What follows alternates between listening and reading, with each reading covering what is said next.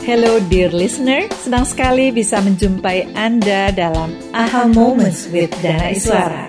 Sebuah program podcast yang membawa terang bagi jalan untuk jawaban dari apa yang selama ini Anda coba cari dan temukan. Teladan kehidupan, kisah sukses, wawasan baru, cerita inspiratif, atau bahkan sekedar teman manakala Anda merasa kesepian. Semoga itu semua dapat Anda temui di sini dalam AHA Moments with Dana Isara. Selamat menikmati.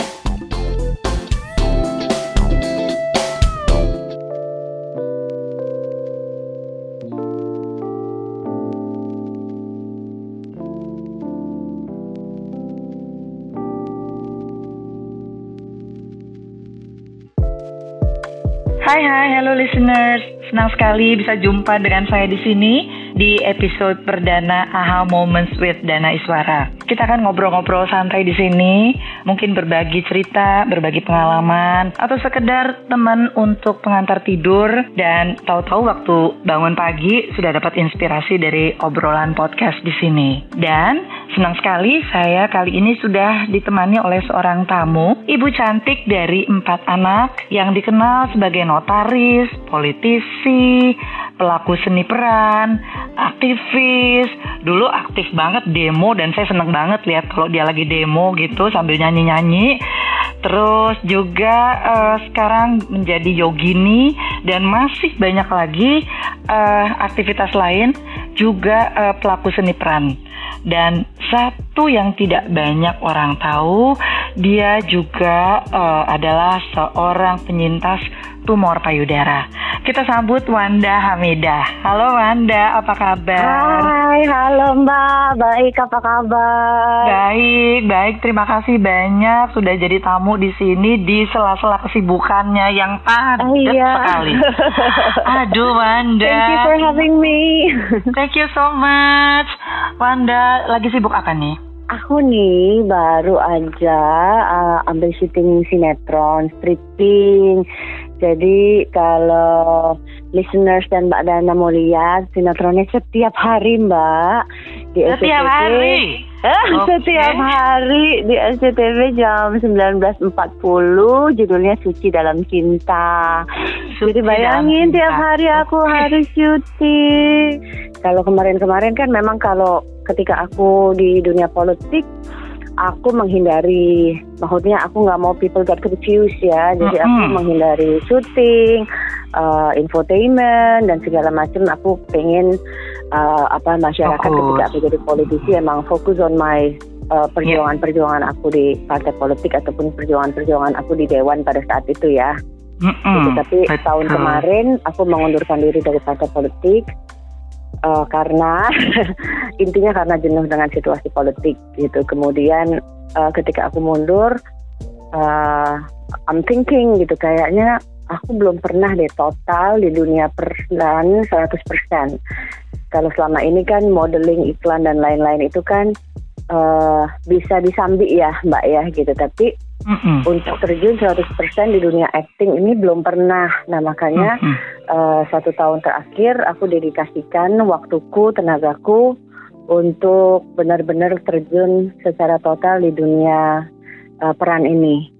Hmm, Oke, okay. jadi ini tantangan baru.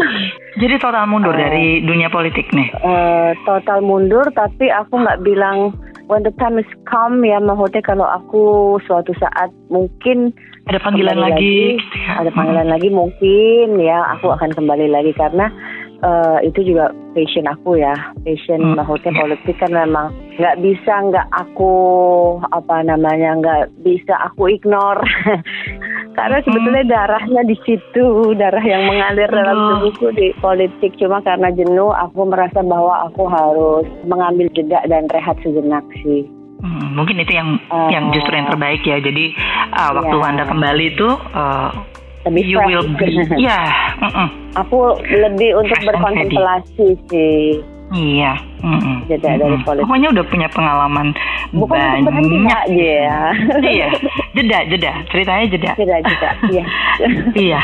Oke, jadi sekarang nih uh, Wanda sibuk dengan dunia seni peran, tapi iya, betul. Um, kepengen tahu waktu Wanda, Wanda tuh kapan melakukan pengangkatan uh, benjolan di payudara? Tahun 2010. 2010 diangkat. Iya, Ah, betul diangkat. Oke, Wanda taunya itu uh, karena sedang check up ke dokter atau secara nggak sengaja menemukan sendiri benjolan tersebut. Dan di umur berapa Oh. waktu itu Wanda?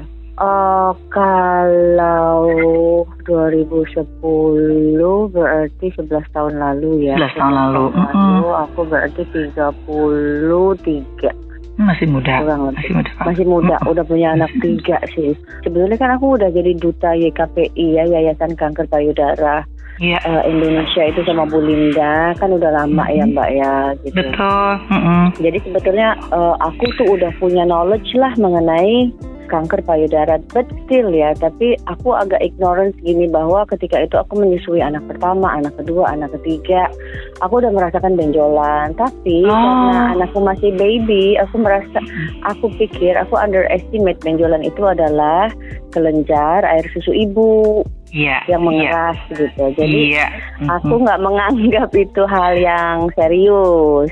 Iya, oke. Okay. Oh berarti kan ketika ya. diangkat 2010 mm-hmm. itu Wanda sudah ada penundaan lah gitu bisa dibilang ya itu iya, berapa iya, tahun ke belakang Wanda? Uh, waduh, aku nggak bisa mengira-ngira. Waktu punya baby pertama. Mengira. Be- punya baby, baby pertama, Shalina lahir 2002. Oh, baby wow. kedua 2005 Okay. Terus punya baby ketiga 2008. Tapi mm-hmm. setelah 2008 itu, nah gimana ketemunya? Itu pas aku medical check up. Jadi memang bukan untuk memeriksakan benjolan itu. Okay. Bukan mm-hmm. maksudnya memeriksakan secara khusus ya. Mm-hmm. Gitu. Jadi aku tuh sebetulnya agak ignorance juga. Jadi mungkin uh, buat uh, pemirsa gitu ya maksudnya mengambil bisa mengambil pengalaman aku gitu bahwa udah nggak usah sok-sok menganalisa sendiri. Kalau ada benjolan nggak usah berasumsi dan nggak usah sok menganalisa sendiri gitu. Lebih baik yang paling benar ya memang harus ke dokter Iya. Itu Karena mungkin juga waktu pertama Wanda tahu itu kan Wanda relatif masih muda banget ya tahun 2002 Ya, dan belum ada sadari waktu itu kan periksa payudara Eh, sendiri aku tiap udah bulan. tahu sih mbak, aku udah Oke. tahu sih sadari itu dan aku memang udah merasakan, aku udah tahu dengan Ah, dengan tanpa ke dokter aku tahu aja ada benjolan. Cuma ya itu tadi aku meng sotoy gitu loh mbak, meng, meng, meng- underestimate benjolan itu. Gitu kayak banyak pertama memang. meng underestimate padahal aku aku tuh udah punya teorinya, ilmunya, harus sadari gini-gini dan aku udah menyadari benjolan itu gitu. Jadi sotoy biasa sok menganalisa ah ini air susu ibu nih lagi mengeras gitu. Nanti dikompres juga mungkin mencair atau gimana bisa berkurang gitu. Tapi ternyata enggak. Nah, itu pun aku taunya setelah aku medical check up. Medical check up kan ada USG payudara. Nah, itu pun masih Iya. ditunda sama Wanda. Begitu medical check up, Wanda tahu ada benjolan yang confirm lah Iya. itu bahwa itu Hmm. eh, sel tumor gitu ya. Ya. Hmm. Dokternya bilang sel tumor jinak atau ganas Nah, Wanda? eh, USG ketika USG itu terus aku di reverse ke dokter eh, onkologi. Nah, itu udah mulai deg-degan tuh, Mbak. Ah, Ah, kenapa ya? pasti. Kok ini ada apa Kok onkologi nih? gitu ya kok Kok kemo onkologi. udah mulai deg-degan. Pasti. Aduh. Going Itu rasanya on? kayak apa? Kayak eh eh, langit mau runtuh atau kepengen Ah. lari atau gimana Wanda? aku pengen aku pengen menyelesaikan sesingkat-singkatnya. Hebat, hebat Jadi- dan itu yang harus dikerjakan semua perempuan Iya, yang aku nggak mau menunda-nunda gitu. Jadi Betul. pengen menyelesaikan. I want to get over it soon, very soon gitu. Jadi aku nggak pernah, walaupun takut deg-degan, tapi kan waktu itu punya anak tiga kecil-kecil ya. Jadi, aduh nggak bisa nih harus, Benar. harus Mm-mm. apa pun caranya aku harus uh, melalui ini dengan cepat gitu ya, nggak menunda-nunda. Nah Betul. besoknya aku langsung ke onkologi, aku ke eh, rumah sakit Darmai sama dokter Walta.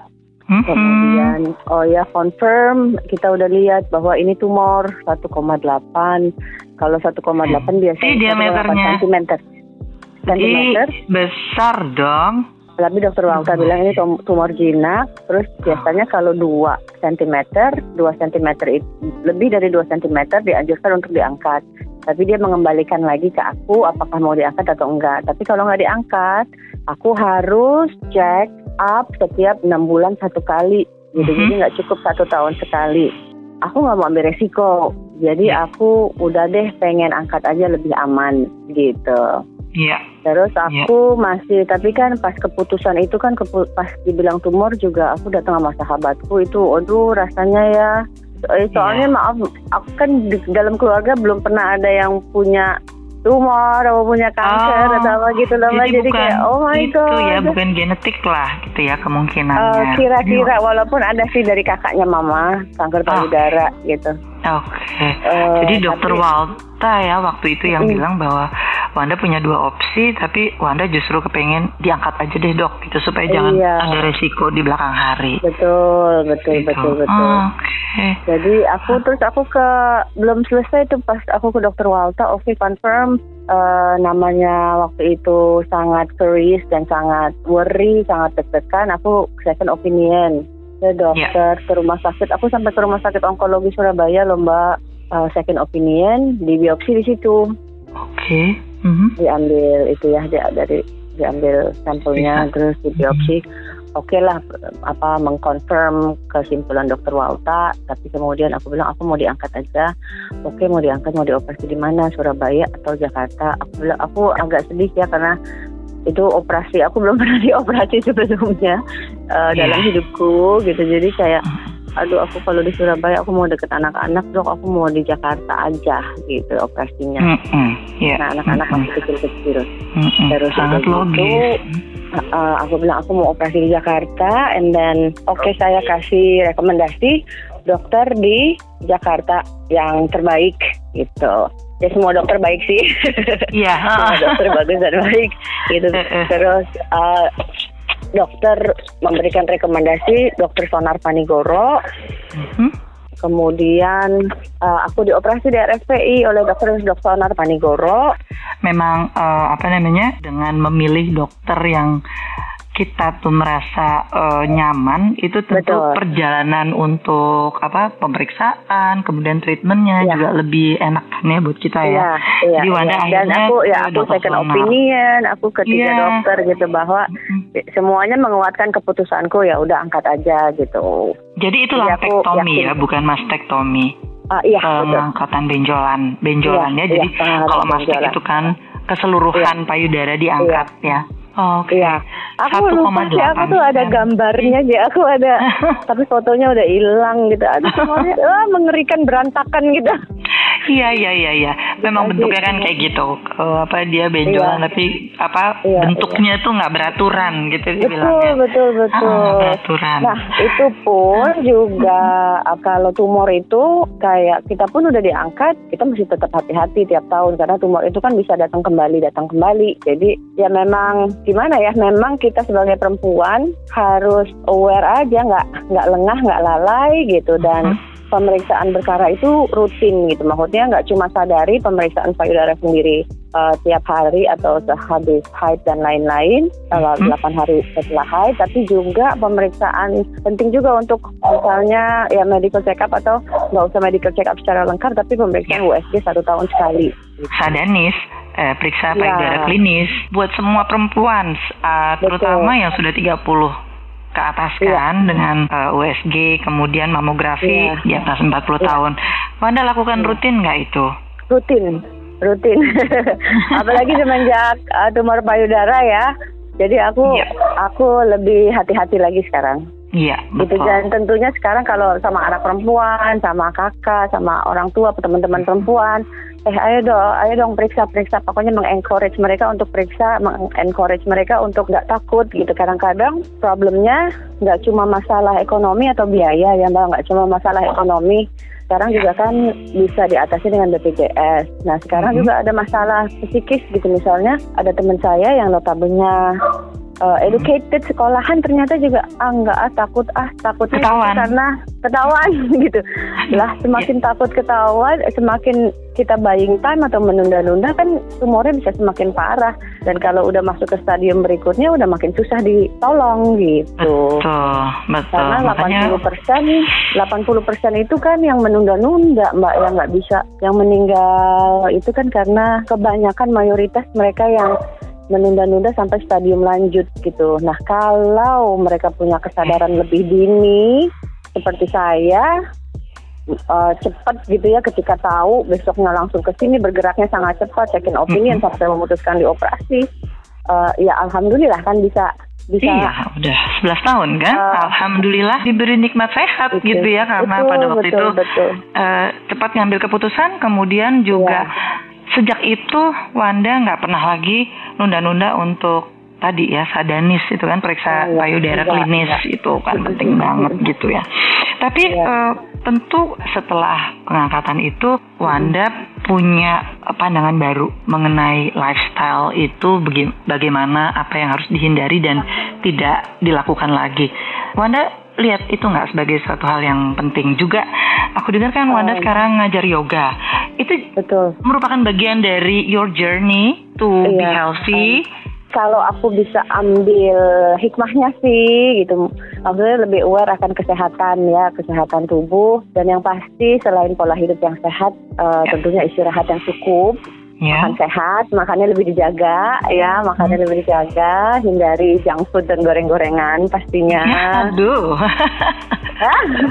Kadang-kadang suka susah kan kita. Iya, sekali-sekali lah aja seminggu uh. sekali gitu. Tapi iya. kalau ada makanan yang sehat, aku lebih milih makanan ya. yang sehat. Kalau ada sayur, salad, aku kenyangin sebelum makan siang gitu. Aku kenyangin dulu dengan buah-buahan, uh, minum jus dan sebagainya. Nah, uh, istirahat cukup, makan sehat udah pasti, dan yang nggak kalah penting olahraga. Terakhir ini jadi guru yoga, aku yoga tuh dari tahun 2002. Luar dan aku rasa yoga adalah olahraga yang komplit ya, nggak cuma fisik tapi psikis juga gitu lebih hmm. calming dan uh, pernafasan. Pernah kalau yoga it's about breathing sih mbak gitu. Jadi hmm. menyatukan gerakan dan pernafasan. Nah pernafasan hmm. itu is releasing gitu. Jadi kalau kita let's say kita dalam keadaan stres, kita dalam keadaan sedih, and then we'll meditate, ya kita kita merasakan nafas yang uh, kita teratur ya dalam tubuh yang teratur pasti secara psikis kita akan perasaan kita akan lebih tenang gitu. Jadi yang penting kan mengelola stres okay. karena sakit itu banyak yang datang dari pikiran, dari stres gitu. Iya. Jadi walaupun pola tadi... hidupnya sehat, kalau kemudian nggak hmm. bisa mengelola pikirannya, ya bahaya juga. Betul sekali. Jadi memang hidup itu kan memang nggak bisa lepas dari stres ya Wanda. Iya. Tapi, Tapi juga harus di manage ya. Harus di manage. How you manage the stress itu dengan jalan yang tepat, dengan uh, meditasi atau iya. juga cara-cara yang memang membuat kita bisa rilis the stress. Nah iya. itu uh, kalau Wanda dengan yoga dan sudah terbukti ya ya Wanda bisa sangat apalagi sekarang seperti dengan dikejar-kejar uh, shooting sampai betul. pagi kadang-kadang itu kan yeah. stres juga nggak mungkin bisa dihindari betul, gitu. Betul betul. Uh, Wanda masih sempat yoga Jadi, untuk ini. Uh, set, ya stresnya gini loh mbak kadang-kadang kalau di yoga kan we have to learn to let go ya itu sih yang penting kalau ada iya. hal-hal yeah. yang memang di luar kuasa saya ya I have to let go gitu aku harus pasrahin ke Allah ya maksudnya let go and let God do the work gitu karena kita sebagai manusia karena kalau kita membebani diri kita dengan uh, ekspektasi itu juga iya. salah gitu itu hanya membuat kita stres aja jadi aku mencoba untuk menjalani a little step one by one gitu.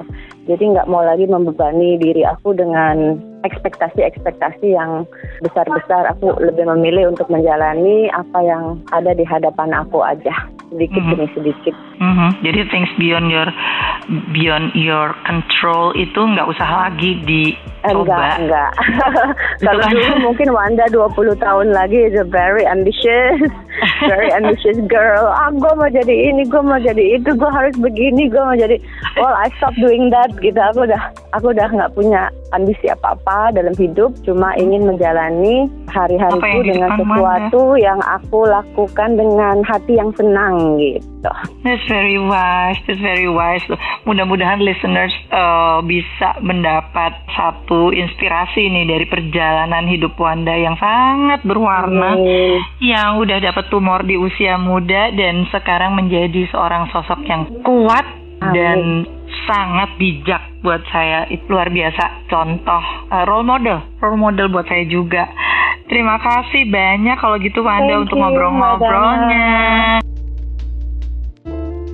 Dear podcast listeners, tadi sudah sama-sama kita dengarkan obrolan saya bersama Wanda Hamidah, penyintas tumor payudara yang didapatnya pada usia relatif muda. Itulah sebabnya pemeriksaan payudara secara klinis maupun sendiri, yaitu sadanis dan sadari, adalah hal yang mutlak yang tidak bisa lagi kita abaikan. Dan Yayasan Kanker Payudara Indonesia sudah mencanangkan Indonesia bebas kanker payudara stadium lanjut pada tahun 2030. Kita wajib bersama-sama mendorong tercapainya pencanangan tersebut dengan menjaga kesehatan dan terus melakukan pemeriksaan kanker payudara. Kita dengarkan yuk obrolan saya selanjutnya bersama aktivis kampanye deteksi dini kanker payudara dari Yayasan Muda Giat Peduli yakni Tania Nordina. Selamat menikmati.